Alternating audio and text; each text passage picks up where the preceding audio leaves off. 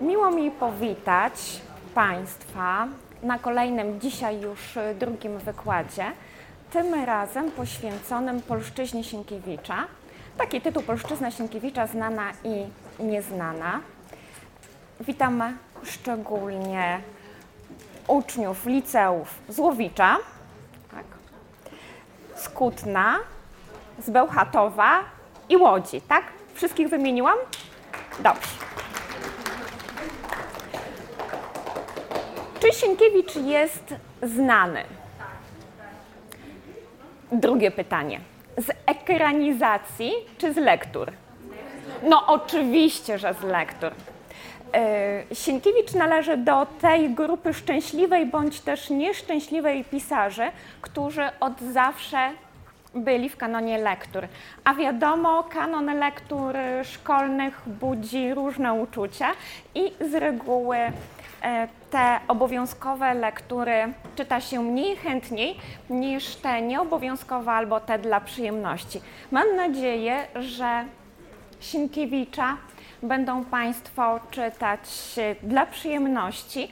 Może też powiemy taką uwagę, że do niektórych lektur się dorasta. To nie jest tak, że e, Sienkiewiczem trzeba się zachwycać. Do Sienkiewicza trzeba dojrzeć. Mam nadzieję, że dzisiejszy wykład trochę oswoi Państwa z Sienkiewiczem. Od razu powiem, że będzie to spojrzenie z perspektywy językoznawczej, bo więc, bowiem jestem językoznawcą zatrudnioną w Zakładzie Historii Języka Polskiego i mniej więcej od 20 lat Sienkiewiczem, a właściwie jego językiem i stylem się zajmuję. Czy poznałam wszelkie tajniki jego warsztatu pisarskiego? Na pewno nie. I ja też dojrzewam do tego, aby poznać, poznać Sienkiewicza. Postać Sienkiewicza, sylwetki Sienkiewicza nie trzeba specjalnie przedstawiać, bo i nie na tym polega wykład, a żeby rozpocząć go, urodził się i zmarł. Jego życie zawiera się w 70-leciu wyznaczonym datami granicznymi 1846-1916.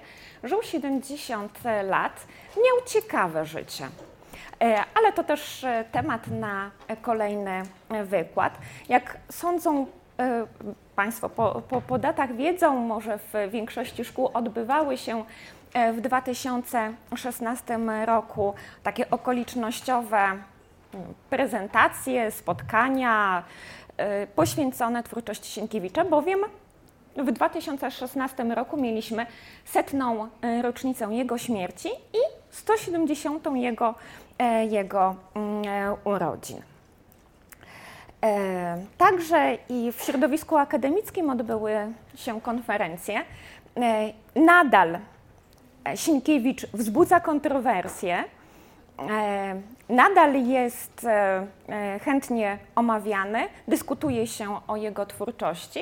Można wręcz powiedzieć, że Sienkiewicz wiecznie żywy. Mówiono o jednej postaci z historii, że jest wiecznie żywa, ale e, nie będę w te tory e, zmierzała. W każdym razie warto poznać Sienkiewicza także prywatnie. Ja nie będę mówiła o polszczyźnie prywatnej Sienkiewicza, a trzeba wiedzieć, że zostawił kilka tomów listów. E, dawniej pisano listy. Jak pytam studentów, kiedy ostatni raz napisali taki tradycyjny list, E, to trochę wody w Wiśle upłynęło. Natomiast Sienkiewicz, oprócz tego, że tworzył e, i to obficie e, w powieści, nowele, opowiadania, to także na bieżąco utrzymywał korespondencję z wybitnymi twórcami epoki, ale także i z rodziną. Sienkiewicz znany jest przede wszystkim z twórczości prozatorskiej. Tak? W w, kanonie lektur znajdują się Krzyżacy, znajduje się e, trylogia Quo Vadis oraz niektóre opowiadania i nowele. Ale czy Sienkiewicz oprócz e, twórczości prozatorskiej także zajmował się czymś jeszcze? No, śmiało. Czy tylko był pisarzem? czy także parał się inną aktywnością? No na pewno Państwo wiedzą. No śmiało.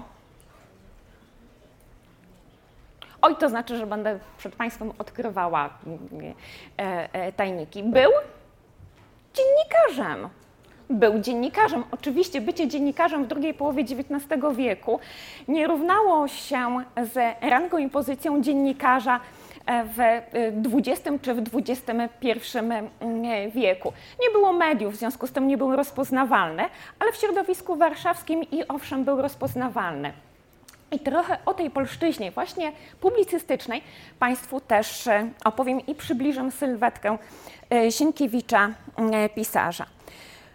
Jest autorem 12 powieści, jest autorem opowiadań i nowel, ale z powieści największą sławę, tę międzynarodową, przyniosła mu powieść osadzona w w, w, w starożytnej Europie, czyli Quo Vadis.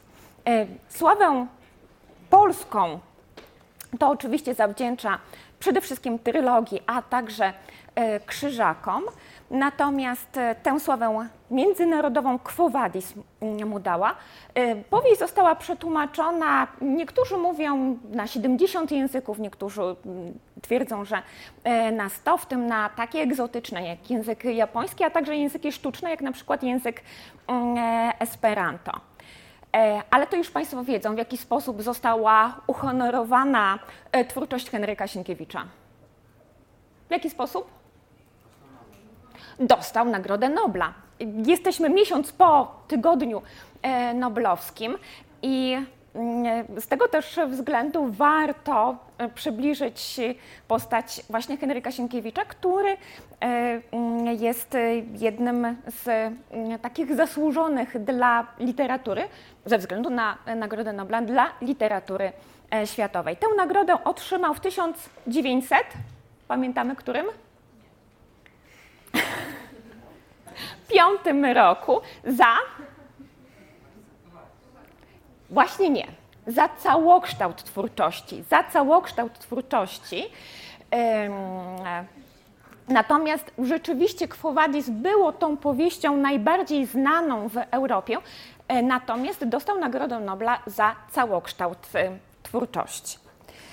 E, tutaj mają Państwo najbardziej znane dzieła, czyli trylogię Mm, Krzyżacy i e, które przyniosły Sienkiewiczowi e, e, sławę, są, są także jako, jako powieści wiecznie żywe, do których część osób, część Polaków systematycznie powraca.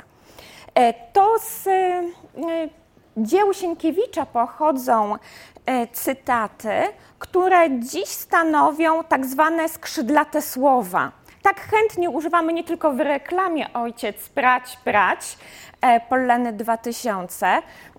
Państwo pewnie może nie pamiętają, ale warto na, na YouTubie wyszukać tę reklamę. Ale szereg cytatów jest, e, mm, e, jest komentarzami do, do bieżącej sytuacji, bieżących e, wydarzeń, bieżącego życia. Kończ waść wstydu oszczędź. Chyba najbardziej znany cytat twórczości, z twórczości Henryka Sienkiewicza. Kto wie, skąd pochodzi? Krzyżacy nie. Potop tak. A kto do kogo powiedział? Dobrze, Kmicic do? Bardzo dobrze, Kmicic do Wołodyjowskiego. Kończ waś wstydu, oszczędź. Można wiele sytuacji w ten sposób y, y, skomentować. Bardzo dobrze. Potop, Kmicic do Wołodyjowskiego w y, znanym, sławnym pojedynku, który także można oglądać w, w, w, świetnym wykonaniu aktorskim. Dobrze. Jeśli ktoś kolemu zabrać krowę, to jest zły uczynek. Dobry jak Kali zabrać komuś krowy. Moralność Kalego także wielokrotnie przywoływana w różnych sytuacjach i współcześnie. Oczywiście cytat pochodzi z w pustyni i w puszczy. Tak, widać, że to najwcześniejsza Państwa lektura, w związku z tym te cytaty, ten cytat Państwo zapamiętali. Zginął ja i pchły moje. No najbardziej barwna postać trylogii Sienkiewiczowskiej. Oczywiście, że Zagłoba. Oczywiście, że Zagłoba. Dobrze. Stary przyjacielu, oddajże mi jedną przysługę. Idź zaraz do żony mojej i powiedz jej ode mnie. I powiedz jej ode mnie. Nic to. Pan Wołodyjowski. Oczywiście. A żona to? Basieńka, najbardziej barwna postać kobieca Sienkiewiczowska, kreacja, która się wyjątkowo Sienkiewiczowi udała. Jak mawiali starożytni, kiedy w brzuchu pusto, w głowie groch z kapustą. A to kto? Już było? Zagłoba, oczywiście, najbardziej w, w, w, wulkan humoru, energii. Także ze względu na Zagłobę e, warto wrócić raz jeszcze do trylogii. Ale nie o tym będzie ten wykład, tak? Nie będziemy, e, nie będę przywoływała kolejnych cytatów i, i, i nie będziemy bawić się e, w odgadywanie E, kto, kto powiedział w jakiej e, sytuacji. E, ważne jest to, że o ile postać Sienkiewicza wzbudza kontrowersje, właściwie jego twórczość, ze względu na to, czy nadal jest aktualna, czy czasami nie ubarwił naszej przeszłości. Mówi się o Sienkiewiczu, że jest pierwszorzędnym wśród drugorzędnych.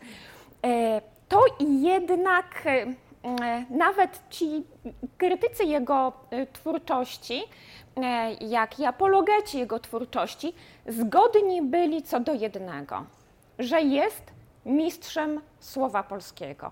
I o tym będę chciała Państwu powiedzieć. W pierwszej części trochę o tej polszczyźnie znanej, znanej z chociażby z powieści historycznej, a w drugiej części o polszczyźnie twórczości publicystycznej, tej mniej znanej, ale okazuje się, że bardzo istotnej dla rozwoju kariery pisarskiej Henryka Sienkiewicza.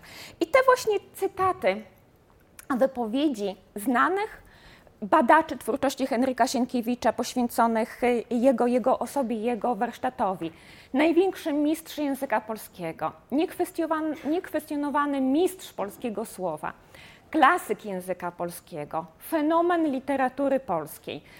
A o języku, że polszczyzna to wyborna, a nie wyszukana. Jaka zatem była polszczyzna Henryka e, Sienkiewicza? Co stanowiło o tym, że najwięksi badacze jego twórczości niekoniecznie podzielający poglądy Sienkiewicza, jednak wyrażali się z taką aprobatą o polszczyźnie, czyli o języku i stylu jego, jego twórczości. Zaczniemy od e, polszczyzny znanej Państwu z powieści historycznych. Nie ulega wątpliwości, że jednym z bohaterów powieści historycznych jest wojna. Są pojedynki, są e, e, walki, tak? A jak jest walka, jak jest wojna, jak jest bitwa, to jest krew i śmierć. Oczywiście, że tak. Trzeba powiedzieć, że wojny średniowieczne, tutaj może do męskiej części publiczności, wojny średniowieczne, ale także i wojny te XVII-wieczne należały do jednych z najokrutniejszych. Dlaczego? Ze względu na rodzaj broni tak, nie było broni palnej. Tak, jeśli Państwo by sobie poczytali pamiętniki z XVII wieku, oj, to tam krew lała się, fragmenty ciał na, na polu bitewnym były normalnością. Była to rzeczywiście bardzo okropna, e, e, e, bardzo może nieestetyczne, okropne y, widoki, jakie przedstawiały y, pola bitewne po zakończonej, po zakończonej e, wojnie. A czy u Sienkiewicza znajdziemy tę krew tryskającą, te rozczłonkowane ciała, e, fragmenty, mm, e, fragmenty nie wiem, palców, rąk, nóg i tak dalej, żeby trochę stworzyć taki e, makabryczną, makabryczną wizję. Znajdują się, ale jest ich niedużo. Tak, tych obrazów naturalistycznych naprawdę u Sienkiewicza jest niedużo. Dlaczego? Oczywiście był krytykiem Emila Zoli, który to Emil Zola y, postulował, aby literatura w miarę wiernie, najwierniej jak tylko mogła, oddawała e, mm, rzeczywistość. Natomiast Sienkiewicz rzeczywiście oddawał rzeczywistość, ale w innym wymiarze. Sceny batalistyczne nie są naturalistycznymi scenami, są nieco scenami baśniowymi. Sienkiewicz sięga po tradycje antyczne, pozoantycznego, ale także i twórczości barokowej. Jednym z ulubionych jego środków artystycznych do kreowania, opisywania scen batalistycznych było porównanie. Było porównanie. Porównanie, czyli coś porównujemy do drugiego elementu, coś jest jak jako na kształt czegoś. I ten właśnie element znajdujący się w członie porównującym miał bardzo, odgrywał bardzo ważną funkcję obrazotwórczą.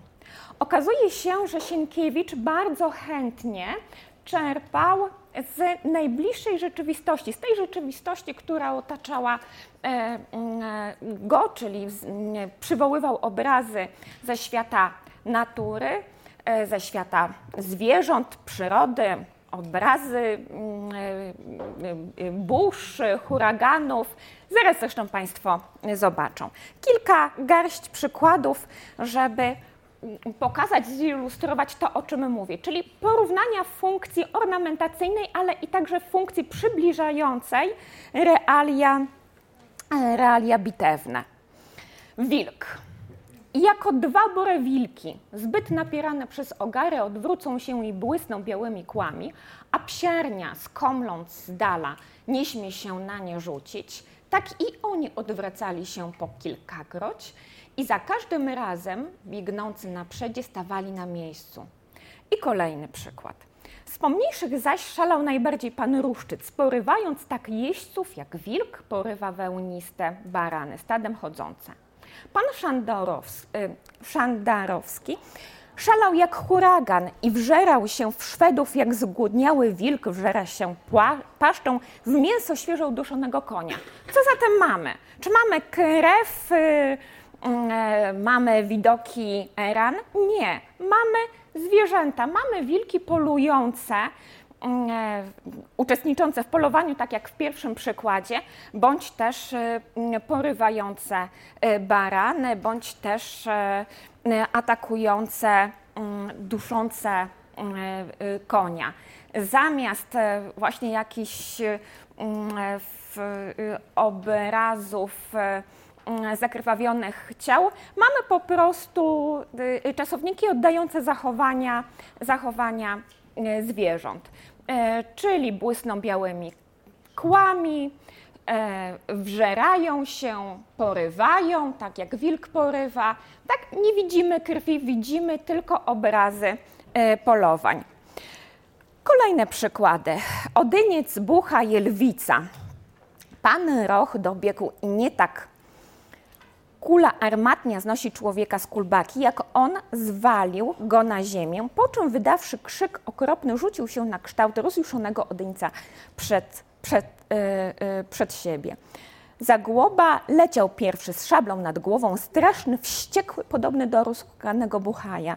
Pan Zagłoba szalał, rzucał się w największy tłum, jak lwica, której zabrano lwięta. Mm, tak, nawet takie porównania mężczyzn do samic zwierzęcych. Ale też widzimy, że y, nie same starcia są y, pokazywane, zadawanie ran, ale i także emocje, jakie wyzwala wojna. Wściekłość, mm, wściekły, podobny do rozhukanego buchaja, rozjuszony odenic, ale znów mamy raczej te emocje ukazane poprzez pryzmat zachowań zwierzęcych. Oczywiście, że jest to antropologizacja świata zwierzęcego, bo zwierzętom są przypisywane cechy E, ludzkie, ale to już jest e, e, temat, inny temat. Co mamy? Nawet ptaki. Jak orzeł, pytań, jak orzeł Pytanie dla Państwa, jaki to typ porównania? Jak orzeł spada na stado białych pardew, a one zbite przed nim w lękliwą kupę idą na łup drapieżnika, który rwie je pazurami i dziobem, tak Longinus podpipięta wpadłszy w środek nieprzyjacielskich szyków, szalał ze swym zerwi kapturem. I nigdy trąba powietrzna nie czyni takich spustoszeń w młodym i gęstym lesie, jakie on czynił w ścisku janczarów – tak potężny chłop, jakim był Longinus Podpipięta, wiemy, e, mm, tam czynił spustoszenie e, wśród e, wojsk przeciwnika. Ale znów nie mamy Longinusa Podpipięta szalejącego mm, i, i, i mm, przylewającego krew wyrogów, ale mamy orła, który, który jako drapieżnik spada na stado pardew. Pytanie, wracam do pytania, jakie to porównanie zaczynające się jak orzeł spadł? Bardzo proszę. Bardzo dobrze. To jest właśnie ten element, ten przykład sięgania do tradycji antycznej. Trzeba Państwu wiedzieć, że jednymi z ulubionych lektur Sienkiewicza były, skoro antyczne tradycje, to co mogło być e, ulubionymi lekturami Sienkiewicza? Bardzo proszę. Iliada. Iliada i Odyseja. Tak, znał jej prawie że mm, e, na pamięć. Zresztą niektóre porównania wprost stanowią przełożenie porównań homeryckich co do nazwy zwierząt, zachowań zwierzęcych na mm, realia, realia polskie. I owady Mały rycerz zaś rzucał, e, rzucał się za uciekającymi na kształt zjadliwego szerszenia i coraz to innego jeźdźca żądłem przeszywał. No można tak e, sobie wyobrazić, jak szalał, e, jak osa przeżynał, co robi mm, szabla, jeśli znajdzie się w mm, ciele przeciwnika. Ale znów nie ma krwi, nie ma mm, przykrych, drastycznych obrazów. Jest szerszeń. Tak, jest szerszeń, który mm, rządli e, żądłem. Motywy meteorologiczne. I nad ludzkimi ciosami szabli kruszył ludzi. Tak, nie zadawał im ciosy śmiertelne. Kruszył ludzi, jak piorun kruszy młode drzewa. Czasem całą szablą uderzy, czasem ledwie końcem dosięgnie, czasem ledwie kółeczko niewielkie, a jako piorun szybkie zatoczy i rajter leci głową w dół pod konia, jakby go grom zmiótł z kulbaki. Czterykroć razy zrywał się Janczerowie i czterykroć Ketling odrzucał ich i rozpraszał, jak burza rozrzuca chmarę liści. Proszę zwrócić uwagę, widok, e, widok burzy, widok huraganu, widok kruszonych młodych drzew łatwo sobie wyobrazić. Tak? Proszę zwrócić uwagę na jeszcze, chciałabym Państwu zwrócić uwagę na jeszcze jeden e, e, fakt powieści Sienkiewicza nie były adresowane do zamkniętego grona piśmiennych w drugiej połowie XIX wieku. Znają Państwo tę historię, jak to słowo, w którym w odcinkach była publikowana trylogia, słowo było rozchwytywane na pocztach gdzieś tam w siołach, na wsiach. Osoba piśmienna, która potrafiła czytać odczytywała fragment powieści e, e, gronu niepiśmiennych i ci żyli z odcinka na odcinek. Taka powieść odcinkowa można strywializować i zastępowała poniekąd dzisiejsze seriale. Tak sukcesywnie ukazywały się odcinki, sukcesywnie e, odbiorca prosty człowiek, nie potrafiący czytać, ale słuchający tego, o czym ktoś e, czyta, potrafił zamknąć oczy i znaleźć się w środku akcji. Gdyby to były mm, opisy nafaszerowane specjalistycznym słownictwem, nazwą broni, nic by nie mówiło tym prostym ludziom. Ale jeśli to był piorun kruszący młode e, drzewa, jeśli to była e, burza, e, która rozmiata liście, czy obraz wilka i polowań, wtedy łatwo można było sobie wyobrazić, poczuć się uczestnikiem tych bitew. I taka, tak rezonowała powieść w XIX wieku. Nie wiem, czy wiedzą Państwo, może już, już o tym mówiliście, że mm, tak wczuwano się w bohaterów trylogii, że podczas poznawania losów historii bohaterów ogniem i mieczem także zamawiano mszę za świętej pamięci Longinusa Podpipięta, kiedy ten zginął, a jeśli, a, a kiedy szykował się w Skrzetuski przeprawę pod Zbarażem, to wówczas zamawiano z kolei mszę, żeby ta przeprawa udała się. Tak rezonowała ta, e, ta powieść także i między innymi za sprawą polszczyzny, języka i stylu, w jakim Sienkiewicz opisywał odległą e, przecież e, historię. Także i mamy porównania, które odwołują do takiej do ludzkich, zwykłych zachowań, jak gaszenie świec przy e, ołtarzu. Jak gdy po skończonej mszy wejdzie chłopiec i blaszaną, y, i blaszaną pokrywką osadzoną na kiju gasi jedną po drugiej palące się przed ołtarzem świece, a ołtarz w cieni się pogrąża, taki on gasił na prawo i lewo świetnych tureckich i egipskich jeźdźców, ci zaś pogrążali się w mrok śmierci. Proszę bardzo, no, wymarzona śmierć. Tak, tak, jak y, świecę się gasi, tak y, gasi się ludzkie, ludzkie istnienie. Dobrze. Mm, e, czemu zatem mają służyć te sceny batalistyczne? Oczywiście pełnią funkcję przede wszystkim obrazotwórczą. Łatwo można sobie wyobrazić sceny batalistyczne, tak? Poprzez takie, a nie inne porównania mm, odsyłające do tak bliskiej rzeczywistości. Sceny batalistyczne ukazane mm, są tak skonstruowane, aby oczywiście eksponować odwagę, umiejętności bojowe polskiego żołnierza, no bo każdy z Państwa wie, że jakie było główne przesłanie trylogii? Co miała e, e, trylogia czynić e, poprzez ukazanie takich, a nie innych e, e, Polaków? Miała? Pokrzepiać serca, tak? Pokrzepiać, budzić nadzieję, czyli wszystko jest E, możliwe. Bądźcie tak odważni jak bohaterowie, o których e, czytacie, a wszystko będzie możliwe. Czyli oczywiście, że był to taki obraz zero-jedynkowy. Należało przedstawić tak tę rzeczywistość, e, ażeby wiadomo było, po której stronie mm, jest bohater, a po której antybohater, kto jest bohaterem, kto jest zdrajcą.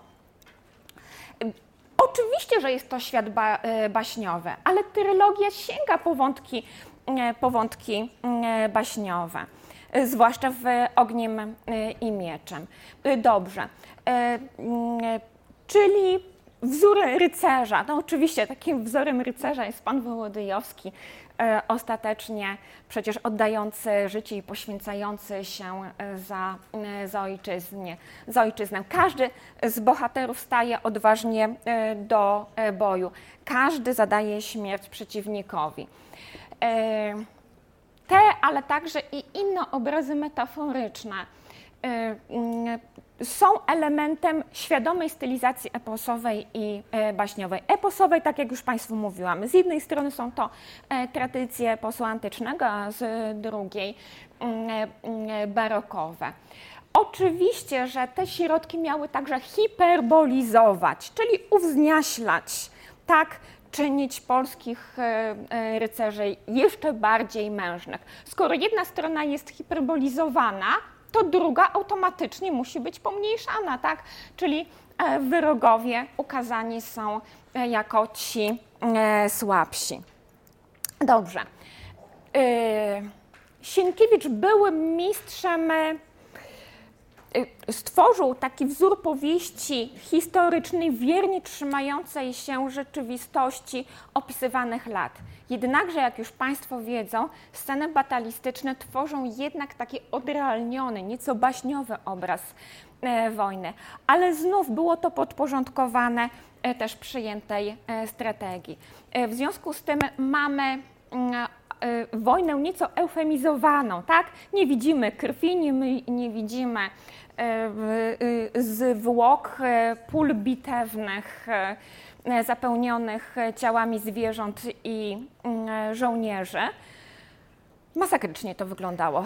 Do pamiętników XVII-wiecznych Państwa odsyłam, może bardziej panów. Ja poczytałam sobie i, i mam, mam na szczęście tylko wyobrażenie. E, czyli nie widzimy tego okropieństwa wojennego, w zamian widzimy właśnie obrazy zwierząt, scenki rodzajowe, ogrodników, e, e, chłopca gaszącego świece i tak dalej. I teraz tak trochę, aha, dobrze.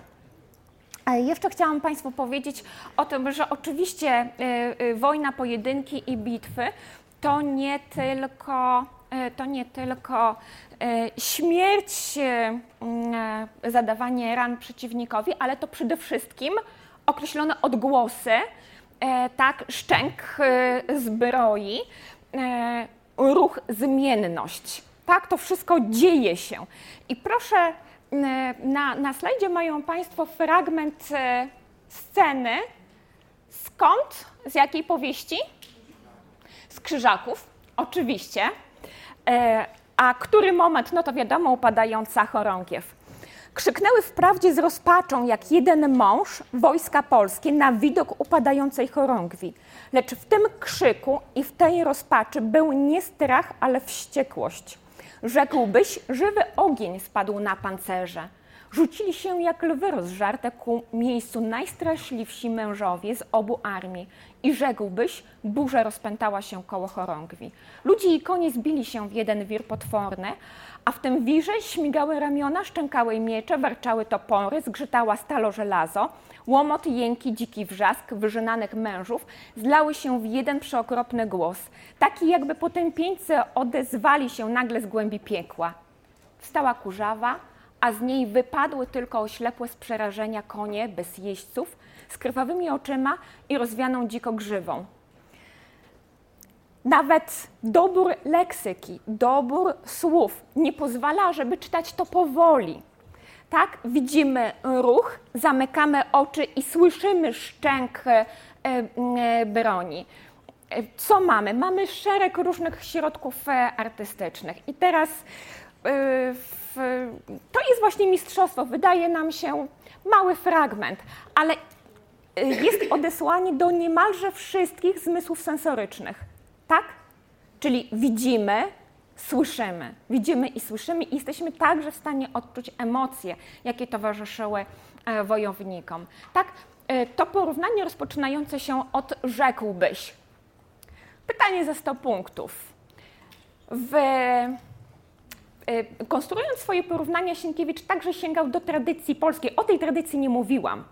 Jak sądzą Państwo? Do jakiej tradycji mógł jeszcze Sienkiewicz, e, Sienkiewicz e, mm, sięgać?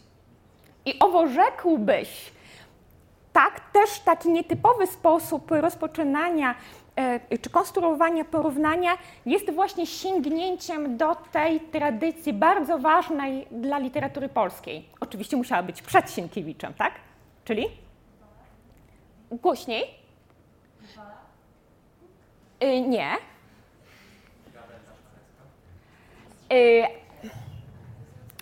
Y, y, tak, to wszystko było. To, to wszystko było. Głośno? Tak, no to jest właśnie archaizacja, ale do tradycji, do pewnego też sposobu opisu przybliżania rzeczywistości. Tuż przed Sienkiewiczem. Przed pozytywizmem co był? No, a skoro romantyzm to?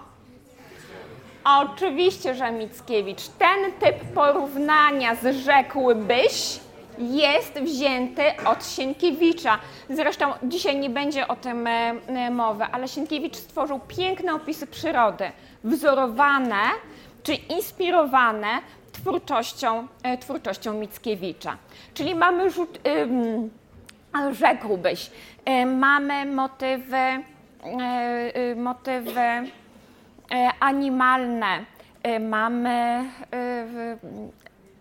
też i burze, i huragan, i wir. Mamy ulubiony środek, oprócz porównania oczywiście, środek artystyczny, jakim jest, co tutaj widać, oprócz porównania środek artystyczny, który jest w tym, w tym fragmencie mocno widoczny.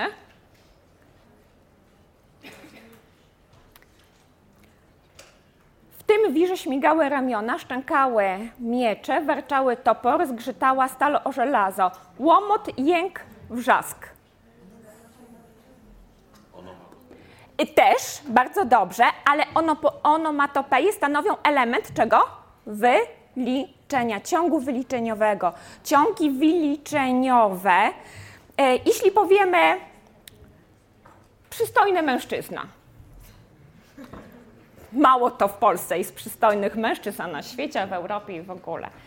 Przystojny, elokwentny, sympatyczny, no to już wiadomo, tak? Już jest podobnie i e, e, inne, inne elementy możemy e, tak tutaj e, dowartościowywać, tak? Nie tylko mężczyzn, ale, no bo kobiety zawsze się dowartościowują, tak?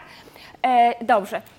Ciągi wyliczeniowe też tworzą obraz, intensyfikują, niekiedy hiperbolizują. Tutaj jeszcze warto zwrócić uwagę, y, co y, y, kolega mówił, onomatopeje, czyli wpływają na efekty dźwiękowe. Proszę Państwa, dzisiaj mamy, żyjemy w epoce medialnej. Tak, wystarczy nakręcić kilka scen, a reszta to jest obróbka w studiu tak efekty specjalne, efekty techniczne. A tutaj Sienkiewicz co miał do dyspozycji?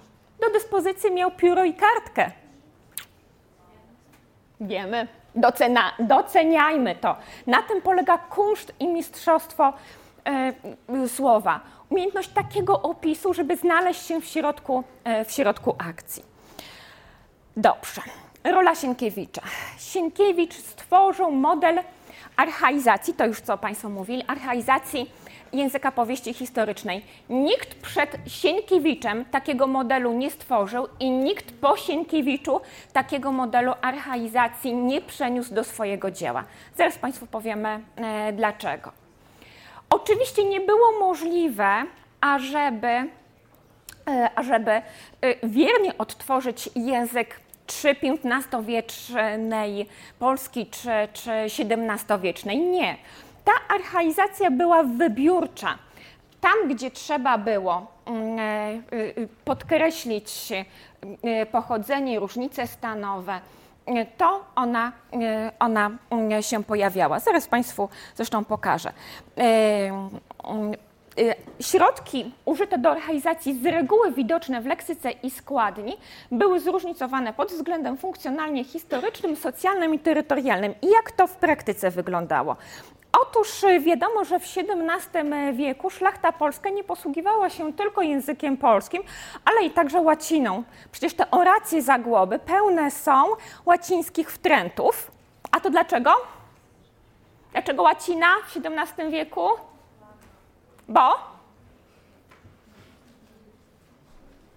kto uczył Polaków w XVII wieku?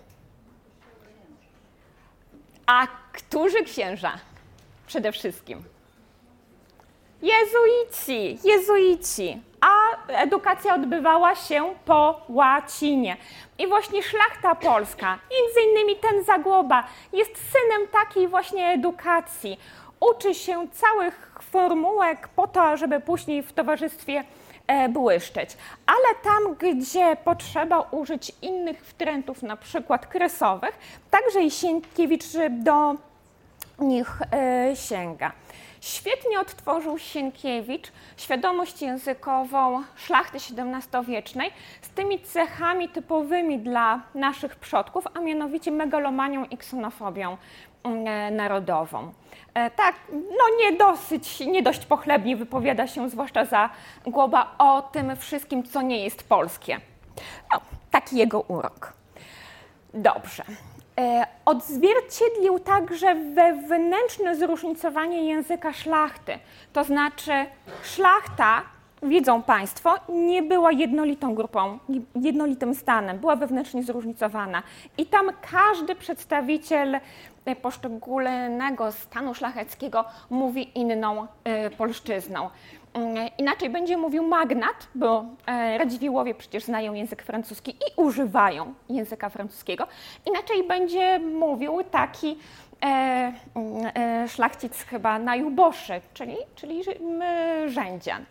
I teraz odpowiedź na, na pytanie, dlaczego model powieści historycznej ten, który prezentował Sienkiewicz, nie znalazł kontynuatorów.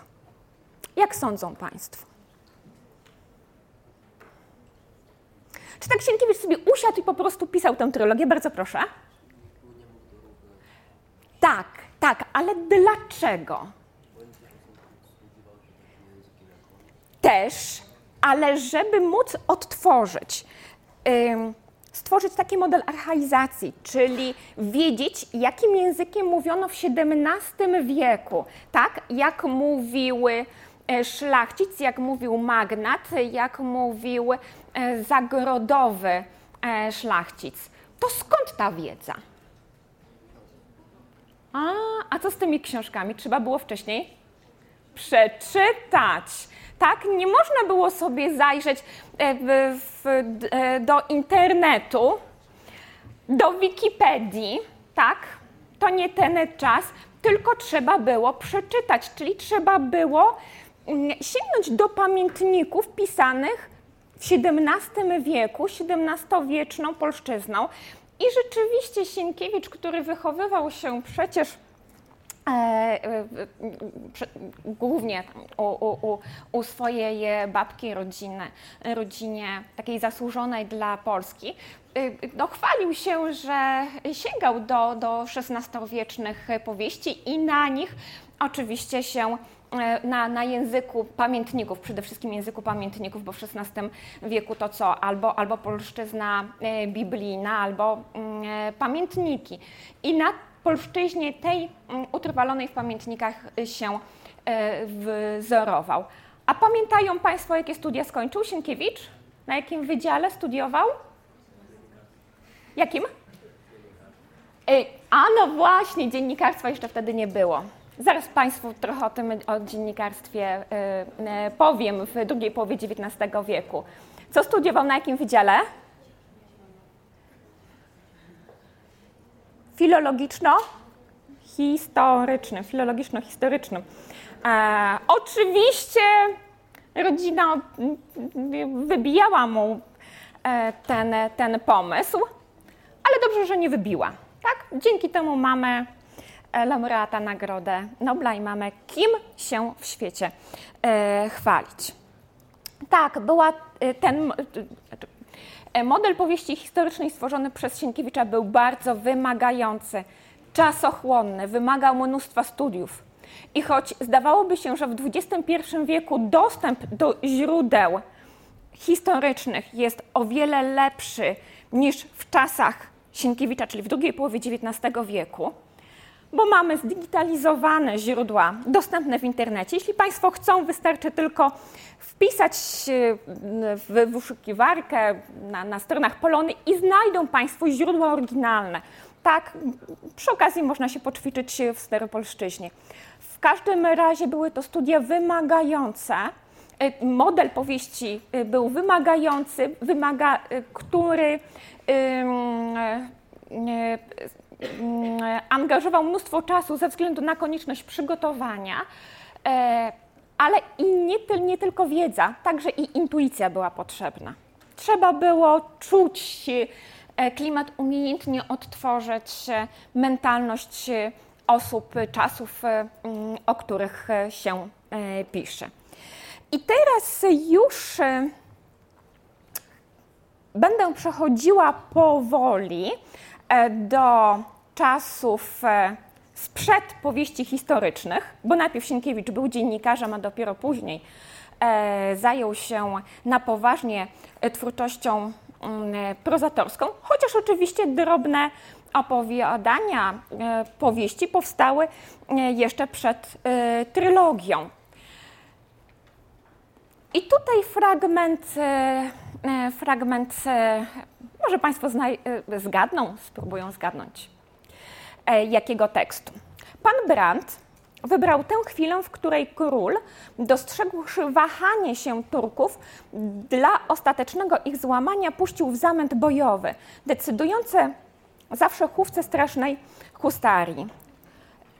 Rozbite, jakby uderzeniem piorunu, na dwie połowy szeregi tureckie rozwarły się w szeroką ulicę, przez którą niby huragan biegną skrzydlate pułki z całą grozą i z przerażającym majestatem, niszcząc, łamiąc i tratując wszystko po drodze. Ludzie, wielbłądy, konie albo padają pod uderzeniami wyciągniętych lasem kopii, albo w niepojętym bezładzie na próżno szukają w ucieczce ratunku. Przewracające się namioty, furia zwycięzców, trwoga malująca się w rysach i ruchach pobitych, zamęt, dym, blaski wystrzałów, słowem wszystko, co stanowi charakterystykę bitwy, uchwycone i oddane z niezrównanym mistrzostwem. Zda się, że słuchać jęki, rżenie, tentent koni, huk strzelby, wrzaski bojowe. Co to jest?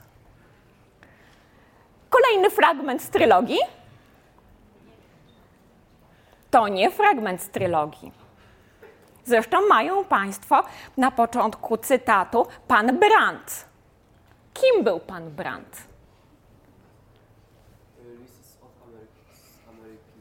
Nie, to jeszcze nie listy z Ameryki, będą listy z Ameryki, ale tutaj mamy scenę bitewną.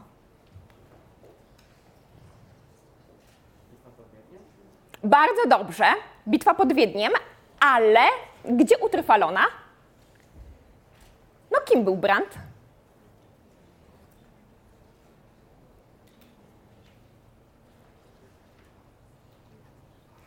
Malarzem. Malarzem. Proszę Państwa, to jest nic innego jak opis obrazu. To jest opis obrazu, który został wystawiony w Austrii na wystawie światowej. I Sienkiewicz tam pojechał właśnie jako dziennikarz, jako korespondent Gazety Polskiej. Tak mu się ten obraz spodobał, że postanowił go przybliżyć w jednym ze swoich felietonów. I to był rok 1873. A trylogia zaczęła powstawać od 1800. A w datach to zawsze słabi jesteśmy. W 82 zaczęła powstawać trylogia. Tak? Czyli widzimy, że 10 lat wcześniej ujawiła się, ujawnił się talent w kreowaniu, w opisywaniu scen batalistycznych. Tutaj jeszcze trudność polega na czym? Że trzeba było opisać obraz. Kto dziś bawi się w opisywanie obrazów? Tak? Dołącza się fotografię, ewentualnie link odsyłający do e, stosownego mm, obrazu. Natomiast tutaj obraz w Polsce był jeszcze nieznany. On z tej wystawy przyjechał do Krakowa, trzeba było oddać opis. Widzimy zatem, że w tym cytacie pojawiają się dokładnie te same środki stylistyczne, które później Sienkiewicz zastosował w opisach scen batalistycznych w trylogii. Czyli już ten talent się objawiał. Mamy i porównania, e, mamy różnego rodzaju e, motywy. Yy, mamy ciągi wyliczeniowe, mamy onomatopeje, e, tak odwołanie do różnych, do różnych skojarzeń. Dobrze, no i przechodzimy do wątku Sienkiewicz jako, e, jako dziennikarz.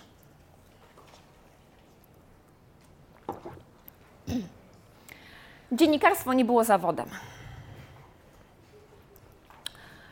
O karierze Moniki Olejnik i Tomasza Lisa e, czy, czy Żakowskiego można było wówczas pomarzyć.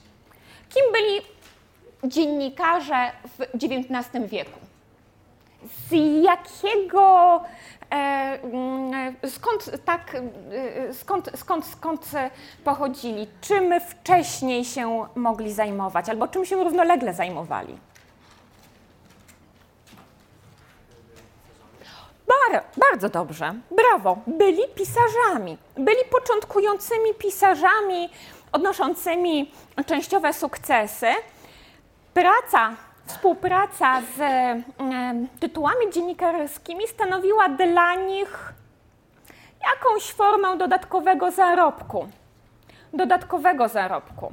Ale taki dziennikarz początkujący nie stanowił dobrej partii dla, dla ówczesnych e, arystokratek, e, ziemianek i szlachcianek. Hmm. To była nieopłacalna, e, nieopłacalne zarobkowanie. Jakaś forma rzeczywiście sprawdzenia się,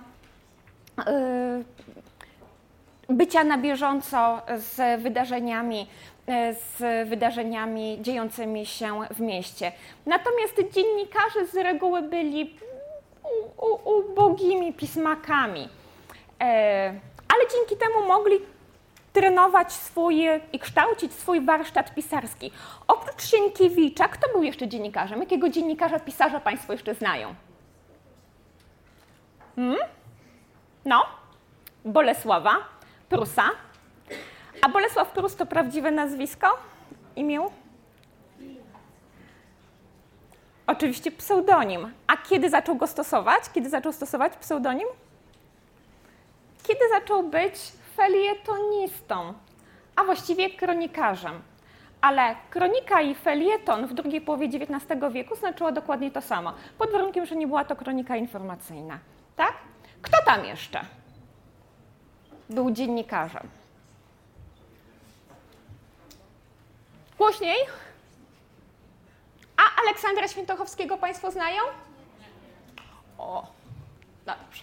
To jeszcze Aleksander Świętochowski, główny e, twórca programu pozytywistycznego e, e, polskich, polskich e, pozytywistów.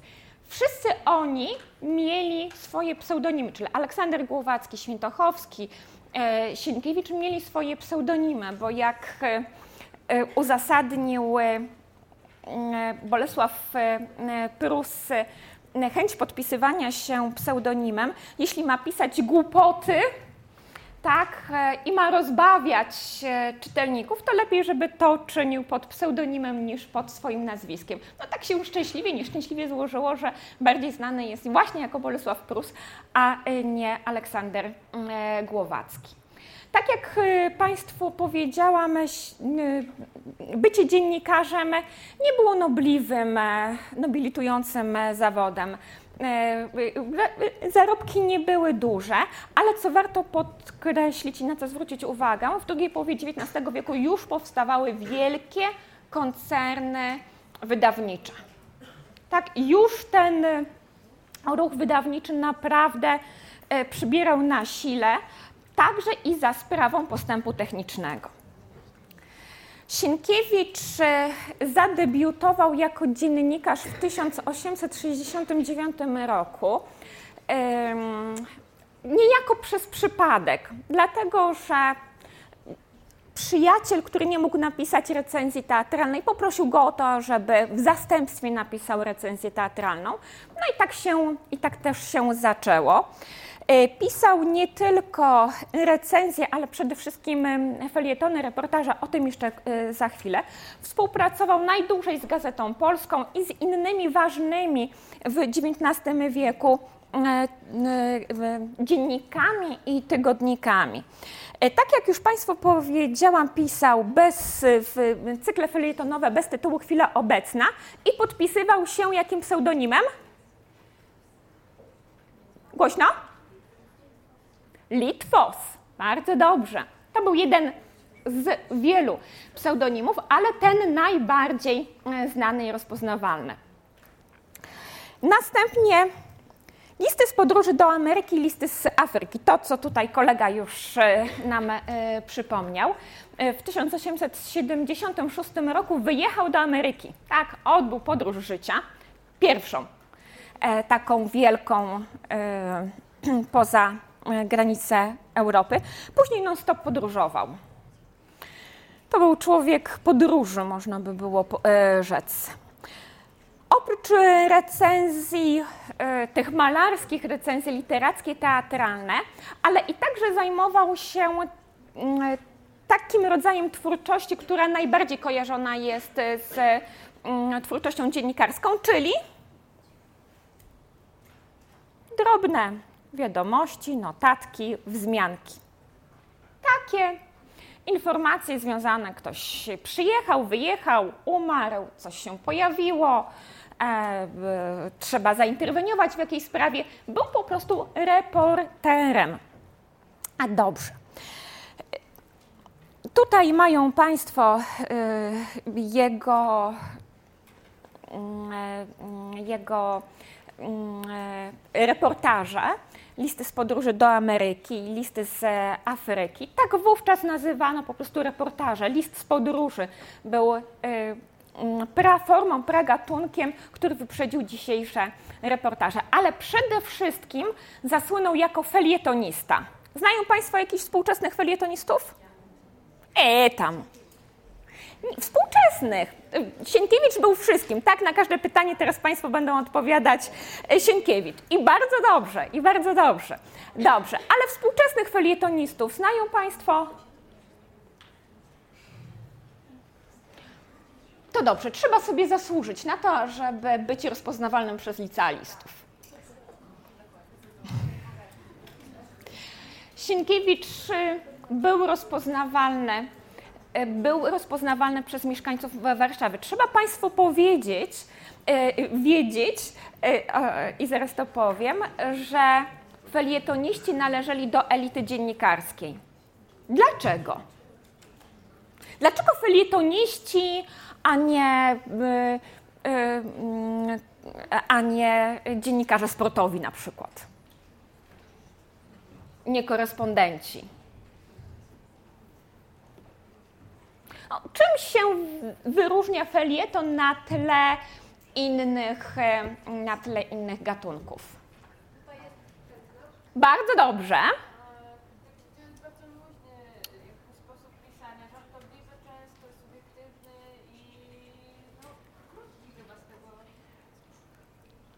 Tak, czyli na jedną stronę mniej więcej. No, Sienkiewicz pisał nieco dłuższe. Żartobliwy, przedstawiający wydarzenia z subiektywnego punktu widzenia, ironiczny.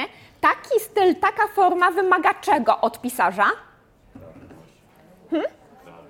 Kreatywności, twórczości, pomysłu. Tak? Pomysłu. Jest to forma wymagająca nie ulega wątpliwości, że jest to forma wymagająca. Nie wystarczy napisać byle tekst i napisać, że jest to felieton. Felieton to przede wszystkim pomysł. To świetne pióro, świetny pomysł na sprzedanie tematu. Na to, ażeby zainteresować, zaintrygować czytelnika. Mnóstwo mamy mm, felietonistów, ale tak między nami, niech Państwo nikomu nie mówią. Jeśli e, jakiś celebryta obetnie włosy albo przefarbuje na jakiś kolor mm, i na ten temat napisze felieton, to nie jest to felietonista. Tak? Felietonistami, felietonistkami są na przykład Szczepkowska, jest Stanisław Tym, jest Daniel Passent, tak? To są świetne, świetne pióra. I takimi świetnymi piórami E, w, jeśli chodzi o twórczość dziennikarską w drugiej połowie XIX wieku, był właśnie Sienkiewicz. Nie ulega wątpliwości, że ta twórczość dziennikarska, ten warsztat pisarski, który wyrabiał, ćwiczył, będąc dziennikarzem, przyczyniła się, ten warsztat procentował przy jego e, twórczości, e, twórczości prozatorskiej współpracował. Aha, jeszcze informacja dotycząca mm, tego, gdzie był publikowany e, felieton w, mm, e, w dzienniku. E, XIX-wiecznym. Widzą Państwo tutaj to odcięcie na dole wyraźnie strona tytułowa podzielona jest, odcięta kreską typograficzną. To była kreska, tak nazywano tekst umieszczony pod kreską, tekst pod kreską. To był odcinek.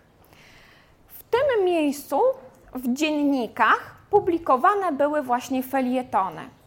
Nie tylko felietony, ale i także powieść w odcinkach. Jeśli Państwu już tutaj kilkakrotnie mówiłam, że trylogia była drukowana w odcinkach, pojawiała się w kolejnych numerach e, e, gazet, to właśnie w tym miejscu. Stąd też powieść w odcinkach nazywana była także i powieścią felietonową. Tekst pod kreską to był ten tekst umieszczony właśnie w dole części i y, obecny na kolejnych stronach y, także y, drugiej i trzeciej. Tak, tamta e, gazety XIX-wieczne liczyły sobie tak gdzieś około sześciu stron, pozostałe zajmowały ogłoszenia i reklamy, podobnie jak, e, jak, jak dzisiaj. E, tutaj trzeba było znaleźć sposób na, e, na tekst, na napisanie tematu, na sprzedanie tematu. Między innymi i w sposobie tytułowania. E, tytuł w XIX wieku nie był powszechny. Drobne teksty nie posiadały tytuł, tytułów. Tytuł posiadał cały cykl. E, no i Sienkiewicz wspólnie z wydawcami postanowił nazwać ten cykl felietonowy dosyć tak przewrotnie, bez tytułu. Tak, tutaj akurat jest e, mm, e, felieton opowiadający o tym, e, jak należy pisać felietony. Ale chciałabym Państwu właśnie troszeczkę powiedzieć na temat tej polszczyzny, mniej znanej polszczyzny felietonowej. Tak jak tutaj koleżanka powiedziała, felieton od współczesny felieton E, charakteryzuje się tym, że jest to gatunek e, pisany e, z takiej perspektywy subiektywnej, lekkim, żartobliwym stylem, niekiedy ironicznie. Tak było od zawsze. Tak? Czyli trzeba było rzeczywiście mieć talent, ażeby uwieść czytelnika, ażeby sprzedać mu swoją interpretację wydarzenia. I jeden z komentatorów, e, także dziennikarzy, przyjaciół Sienkiewicza napisał, wydając e, na początku XX wieku felietony Sienkiewicza, że tam pośród pospolitego węgla kamiennego i kwarcu kryje się niemało brylantów najczystszej wody. Tak, i ja właśnie o tych brylantach Państwu e, już krótko powiem. Sienkiewicz miał szefa. Nazywał się Józef Sikorski. Nie po drodze mu było z tym szefem, jak to zwykle z szefami bywa. E, otóż e, kreślił niemiłosiernie jego twórczość, wykreślał te najbardziej istotne elementy, jakieś liryczne, fragmenty, barwne e, opisy, porównania, to, co ewidentnie wskazywało na talent pisarski. I tak Sienkiewicz żalił się e, swoim przyjaciołom. Co sobota przelewałem cały liryzm mej młodej duszy w 400 wierszy kroniki. W piątek odczytywałem me liryczne kroniki na sesji i cóż powiecie? Oczy mojego redaktora zachodziły krwią, broda rozwiewała się na pół horyzontu i z głębi tej brody wychodził grzmiący głos. Mój panie, ja nie proszę pana o poezję, mnie trzeba faktów. Panie odpowiedziałem, skądże ich wezmę? Przecież to nie ode mnie zależy. Trzeba, mnie trzeba faktów, grzmiał redaktor. Ja się nie łapię na piękno brzmiące frazesy. No i właśnie yy, tak to Sienkiewicz yy, cierpiał, współpracując z Józefem Sikorskim, ale jak Państwo wiedzą, czas y, szefów też i przemija. Przeminął czas Józefa Sikorskiego, E, nastały lepsze e, czasy Edwarda Leo i współpraca ożywiała się, ożywiła się między obu panami. I kilka takich elementów, diamencików wskazujących na mistrzostwo stylu Henryka Sienkiewicza. Opisywał przede wszystkim bieżące, codzienne mankamenty warszawian W drugiej połowie XIX wieku ulice, Polak zawsze narzeka na stan dróg. Odkąd się pojawiły drogi, to Polak narzeka na stan dróg. Tak było i w drugiej połowie XIX wieku. Też narzekali na stan dróg. Tylko, że wówczas drogi były brukowane. Jak wyglądała droga brukowana? E, nie wiem, czy w Państwa miastach. W Łodzi kilka takich fragmentów brukowanych ulicy jest. To i tak mniej więcej. Tutaj jest o, o, owa marszałkowska. Tak, czyli wyłożona kamieniami. E, w drugiej połowie XIX wieku nie było kanalizacji. W jaki sposób pozbywano się e, e, w, e, nieczystości właśnie? Wylewano oczywiście. Gdzie? Na ulicę. Co było latem przy temperaturze plus 25 stopni? Tak, właśnie. To był odór. Co robiła bogatsza część Warszawy? Wyjeżdżała sobie. Wyjeżdż... Stąd wyjazdy wakacyjne. Stąd wyjazdy wakacyjne. Proszę bardzo, świat się, czy świat się zmienia? Gadżety się zmieniają. Mentalność i rzeczywistość pozostanie. Państwo będą w moim wieku, będą w wieku dziadków i też będą narzekać na. I dokładnie to samo jest w felietonach. Wróćmy do Sienkiewicza. Cudzoziemiec, który po raz pierwszy jest w Warszawie, siadłszy w dorożkę na dworcu wiedeńskim jadąc marszałkowską na widok owych wybojów, dołów, wzgórz i wąwozów, gotów sądzić, że kamienie te ułożone zostały w ten sposób, żeby pewną część miasta uczynić nieprzystępną, a przeto zabezpieczyć ją przeciw jakim nagłym, a niespodziewanym nieprzyjacielskim napadom. Tak? No, trzeba mieć pomysł, ażeby taki trywialny temat jak stan bruków, o którym non-stop pisano w, w prasie warszawskiej, e, przedstawić jeszcze w bardziej taki śmieszny, nietypowy sposób. Tak, jako formę fortyfikacji. Trzeba było posłużyć się także i konceptem. Felietony służyły także temu, ażeby obśmiać pewne zachowia, zachowania e, warszawian. Jesteśmy w drugiej połowie XIX wieku. Tak? To nieprawda, że polskie rodziny siedzą i płaczą nad utratą niepodległości. I że jeszcze po kącie na ucho mówią sobie po polsku, żeby nikt ich nie usłyszał, że nie mówią w języku urzędowym, czyli w języku rosyjskim. Życie towarzyskie kwitnie. Tak? Pełną garścią czerpią nasi przodkowie e, z e, możliwości e, rozrywki, wyjazdów, edukowania. Charakterystyczna dla drugiej połowy XIX wieku jest pewna grupa społeczna, o której my dzisiaj mówimy, że są nowobogackimi. Takich nowobogackich było w drugiej połowie XIX wieku wiele. I otóż Sienkiewicz uwielbiał kpić, przedrzeźniać, ośmieszać zachowania tych nowobogackich, którzy znaleźli się z racji posiadanych pieniędzy mm, w nowej sytuacji, stać ich było na uczestniczenie życiu tak, życia tak zwanego towarzystwa, bywali w teatrach. No i co się dzieje, jeśli pani Dziurdzielewiczowa, przedstawicielka właśnie takiej nowobogackiej rodziny, spóźnia się na spektakl teatralny i próbuje wąski, wąskim przejściem znaleźć swoje miejsce i usadowić się. A pani Dziurdzielewiczowa do najszczuplejszych nie należy. Pani Dziurdzielewiczowa przychodzi w pół aktu. Prawda. Ach, czy która z Was, o czytelniczki moje, potrafi odsunąć drzwiczki loży z hałasem tak pełnym godności i przeświadczenia, że cały świat jest dla nas, a nie my dla niego? Jak to zaraz znać osobę, która należy do towarzystwa?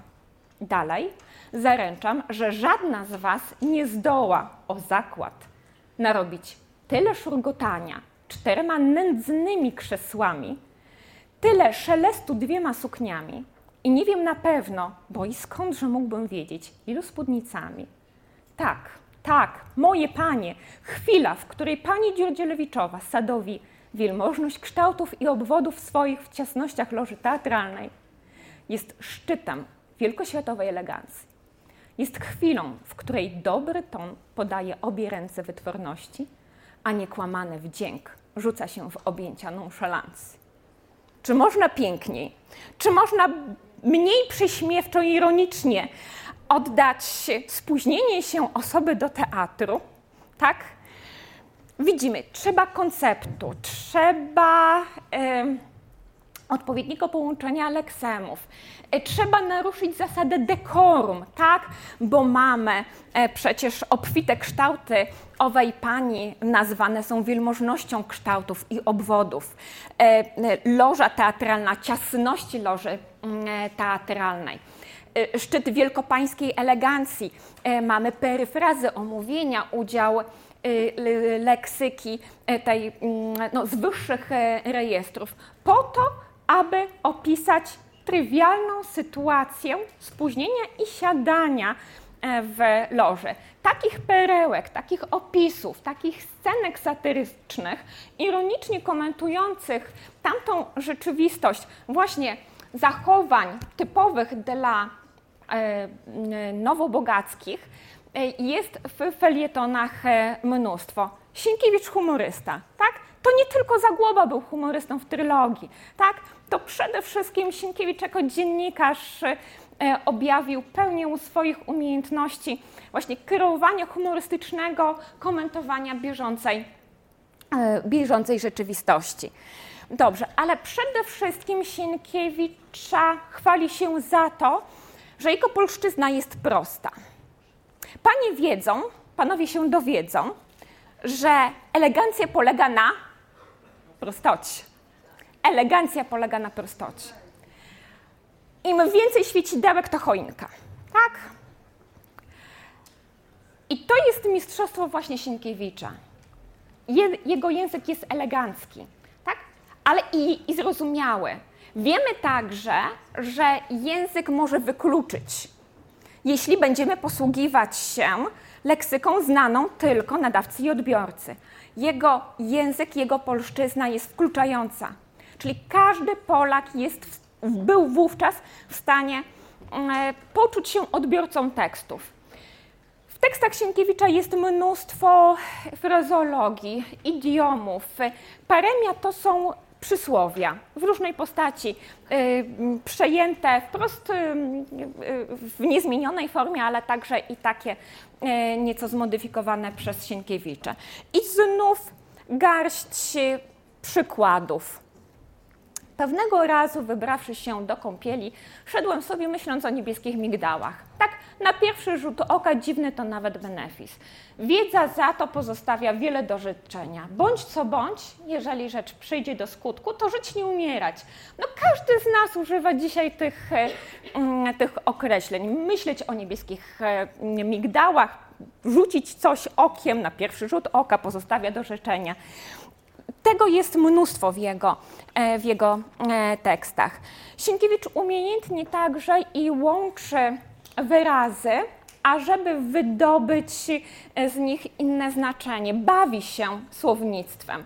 E, stąd właśnie to określamy takie celowe zestawiania słów grą słów. Szukałem zaczęcia, czyli początku tekstu, a raczej zacięcia, czyli natchnienia bo to zwykle najtrudniej, gdy nagle drzwi z łoskotem się rozwarły i wpadł chłopak z drukarni brady, blady i drżący. Mamy zatem właśnie zaczęcie, czyli początek, a raczej zacięcie, mm, czyli e, szukać zacięcia, tak? szukać inspiracji. Gra słów. E, kolejny cytat.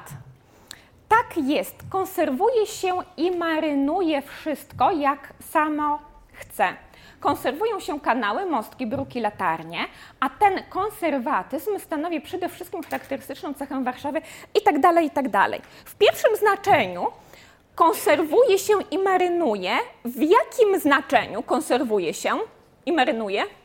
W odniesieniu do czego to mogło być użycie? Konserwować coś? Hmm? Głośno? Żywności kulinarnej, tak? Konserwujemy, tak? Babcie robią, e, robią weki. Stąd dzisiaj konserwować coś i stąd konserwa.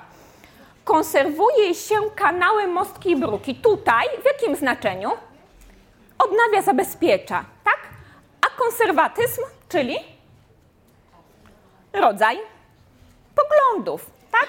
Ale proszę zwrócić uwagę, trzy wyrazy bliskie znaczeniowo, użyte w innych swoich znaczeniach, ale mamy grę słów. Co tam dalej? Porównania i metafory. I tutaj znów nie trzeba szukać jakichś wyszukanych y, mm, sposobów łączenia, mm, y, łączenia leksemów, y, budowy skomplikowanych metafor. To nie ulega wątpliwości. Sienkiewicz nie był Brunonem Schulzem. Tak? E, sypiące się jak z rogu obfitości kalendarze zapowiadają nam jego przybycie, jak, tak jak jaskółki przyjścia wiosny. Nie wiem, czy Państwo używają, że coś zapowiada tak jak jaskółka e, wiosnę. E, czy również charakterystyczne dla tematyki miejskiej, czyli Y, czyli, czyli y, temat dróg. Ale jak między dziećmi jednej rodziny, jedne są więcej kochane, inne mniej lub wcale, tak i między ulicami są także upośledzone córy. Prawdziwe kopciuszki, wiecznie zapomniane lub omijane umyślnie. Bodaj, czy nie do takich należy ulica Marszałkowska? No proszę bardzo w, no, można było się obruszyć na taki feminist, nie, nie, nierównościowy ton wypowiedzi. No ale jesteśmy jeszcze w XIX, w XIX wieku. Każdy z nas w swoich miastach ma takie ulice, które są właśnie, można porównać do upośledzonych cór kopciuszków wiecznie zapomnianych i omijanych. Ale znów, liczy się koncept tak? Liczy się pomysł na to, żeby rzecz niecodzienną, żeby rzecz codzienną przedstawić w niecodzienny, mm, w niecodzienny sposób. Y, dobrze. I też nieco dłuższy fragment, który pokaże Państwu, jak można kumulować różne środki artystyczne w celach perswazyjnych. Tak? Czyli żeby wpłynąć na odbiorcę. W drugiej połowie XIX wieku wybuchało bardzo dużo pożarów. Dlaczego? Bo nie było straży? Tak, też. Ale dlaczego wybuchały pożary? Które niszczyły całe, całe miasteczka. Między innymi Półtusk wtedy został spalony prawie że doszczętnie. Głośniej? Właśnie. Chodzi o jakość materiału, z którego powstawały budynki. Był to materiał łatwopalny. E, pożar 1875 roku zniszczył prawie że e, cały Półtusk. Trzeba było pomóc, zorganizować pomoc dla e, ludzi poszkodowanych wówczas. Ta pomoc, jak to bywa z pomocą, opóźniała się. Sienkiewicz wrażliwy e, na dziejącą się krzywdę społeczną, apelował wielokrotnie na łamach tekstów o pomoc dla poszkodowanych. W jaki sposób? Wszelka pomoc, aby była skuteczna, musi być natychmiastowa. Inaczej nic nie jest warta. Każdy z nas się podpisze pod tymi słowami. Gdyby już każdy z pogorzelców, gdy już każdy z pogorzelców utuli się, gdzie kto będzie mógł, gdy już każdy przeodzieje się, jak będzie mógł, gdy ten i ów znajdzie taki jaki zarobek. Gdy większość opuści z głodu i chłodu zgliszcza rodzinnego miasta i rozejdzie się po okolicy, wówczas pomoc będzie albo musztardą po obiedzie, albo co gorzej, wykołaczką do zębów ofiarowaną równie litościwie, jak i wspaniałomyślnie temu, kto nie jadł obiadu. Znamy dobrze historię o dwóch wróblach. Jeden zdechał z głodu, a drugi poleciał dla niego po wiśnie, ale że jakoś się zamarudził, więc gdy wrócił, zastał przyjaciela do góry brzuszkiem leżącego. Zalewałem się nieraz łzami nad losem nieszczęsnego wróbla. Otóż obawiam się, aby nam nie przyszło zalewać się łzami podobnie nad losem niejednego półtuszczanina. Przemawia do wyobraźni, działa, pobudza, inspiruje, e, w jakiś sposób E, budzi nas z takiego letargu. No, ta wykałaczka ofiarowana osobie, która nie jadła obiadu, jest takim świetnym, e, taką świetną formą poruszenia, poruszenia e, odbiorcy. Sienkiewicz słynął, i to już będziemy powoli finalizować, Sienkiewicz słynął także z pięknych zdań. E, państwo, a właściwie poloniści, którzy tutaj są na, mm, na, w, w auli, e, wielokrotnie sprawdzając Państwa wypracowanie, apelują i grzmią, zdanie niepoprawnie skonstruowane. E, trzeba się uczyć składni, coraz mniej gramatyki na lekcjach języka polskiego. Tak, to wszystko prawda. Budowy zdań możemy czytelnik może uczyć się z mm, tekstów e, Sienkiewicza. Tu akurat z tekstów reportaży, listy z podróży, e, listy z e, Afryki. Mm, ale mniejsza z tym.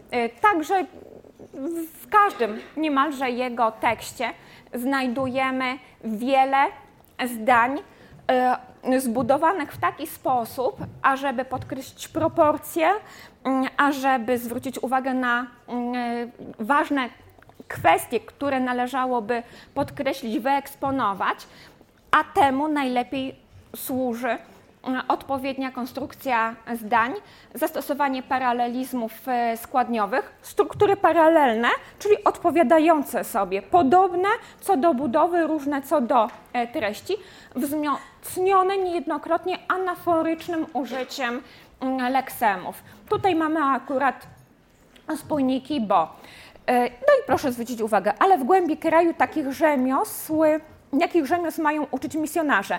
Chodzi o Afrykę. Zapewne nieszestwa, bo wszyscy chodzą boso. Nie kołodziejstwa, bo nie ma dróg ni zwierząt pociągowych. Nie budownictwa, bo każdy murzyn potrafi zbudować sobie chatę. Nie kowalstwa, bo Także każdy umie wyklepać na kamieniu nieraz bardzo ozdobny nóż i dziryt. Mamy w ten sposób taką odpowiedź na pytanie, które jednocześnie inspiruje do y, poszukiwania odpowiedzi, czego właściwie mają ci misjonarze uczyć. Struktury paralelne, wzmocnione anaforycznym użyciem mm, y, spójnika właściwie operatora bo, a wcześniej także formy zaprzeczonej partykuły y, przeczącej nie.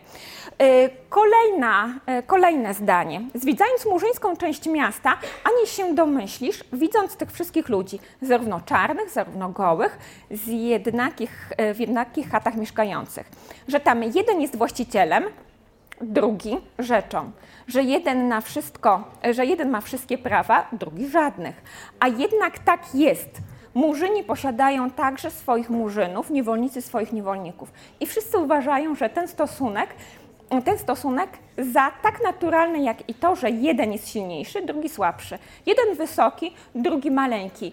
Widzimy tutaj, w tej drugiej części zdania, że dodatkowo jest wprowadzony kontrast tak? Kontrast. Jeden silniejszy, drugi słabszy, jeden wysoki, drugi maleńki. Czyli nie tylko uwaga koncentrowana jest na tym, ażeby mm, odpowiednio zestawić y, części składowe e, zdań, podkreślić i uwypuklić tę część w taki właśnie sposób mm, znaczenie, e, ale i także zrytmizować wypowiedź. Takie zdania się po prostu dobrze czyta, oprócz tego, że porządkują nam wywód, e, wywód myślowy.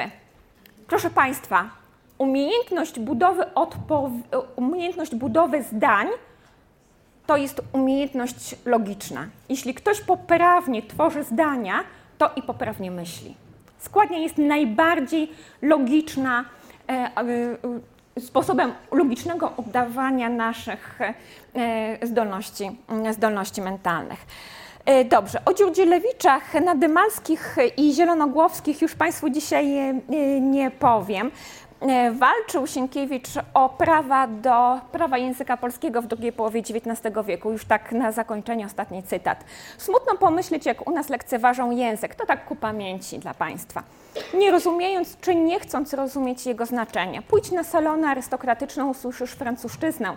Lub taki bigos różnojęzyczny, że choć uszy zatykać z oburzenia. Tam panowanie guwernantek sprowadzanych ze wszystkich krańców świata. Tam miłość rodzicielska w troskliwości o dobry akcent paryski się objawia. Tam panowanie, tam panowie, przepraszam, szepcą panom, damom francuskie słówka na ucho. Tam głupcy w długich surtutach udają Anglików, przekręcając angielskie wyrazy. Tam posługujących mazowieckich Bartków i Jaśków na Johnów przerabiają. Tam czytają tylko zagraniczne powieści, a o Mickiewiczu powiedzą, że to literata e, jakiś.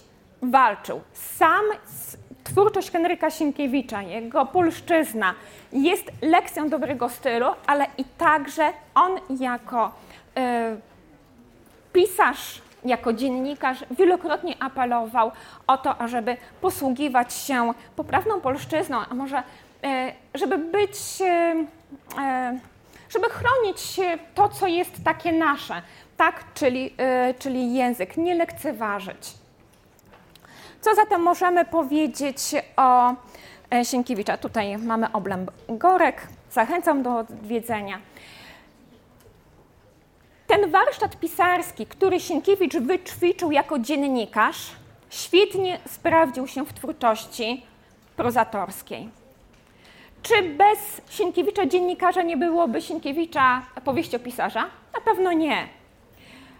Ale nie ulega wątpliwości, że ta umiejętność e, pisania na zamówienie, e, pisania, e, pisania mm, w odpowiedni sposób, tak ażeby wpłynąć na odbiorcę, przydała się Sienkiewiczowi jako pisarzowi. Górski, Konrad Górski, który nazwał Sienkiewicza klasykiem języka polskiego, wyraził taką opinię. Każdego co miał w ręku dzieła Sienkiewicza, czy to będzie naiwny czytelnik, czy wyrafinowany krytyk, uderza jako coś oczywistego naturalność, dostępność, prostota jego języka. Wydaje mi się, że dzięki tym umiejętnościom, tak naturalności, dostępności i prostocie języka, Sienkiewicz oby będzie wiecznie żywy, tak? Że będzie że nie umrze, tak? że nadal będą go chętnie czytać e, kolejne pokolenia. I nie tylko dlatego, że akurat jego dzieła będą w spisie lektur e, e, szkolnych. Tak jak powiedziałam, do Sienkiewicza są takie lektury, do których trzeba dojrzeć. Jeśli Państwo nie przeczytali i zarzekają się, że kogo jak kogo, ale dzieł Sienkiewicza nie tkną, oczywiście nikt nikogo nie będzie przymuszał trzeba dojrzeć, tak? Trzeba, trzeba poniekąd także i, i, i dorosnąć e, do, e, do Sienkiewicza. E, nie czynić z niego złego kuzyna, tak? Niechcianego członka rodziny. Mam nadzieję, że Państwo troszeczkę polubią Sienkiewicza i będą do niego wracać częściej. Dziękuję bardzo.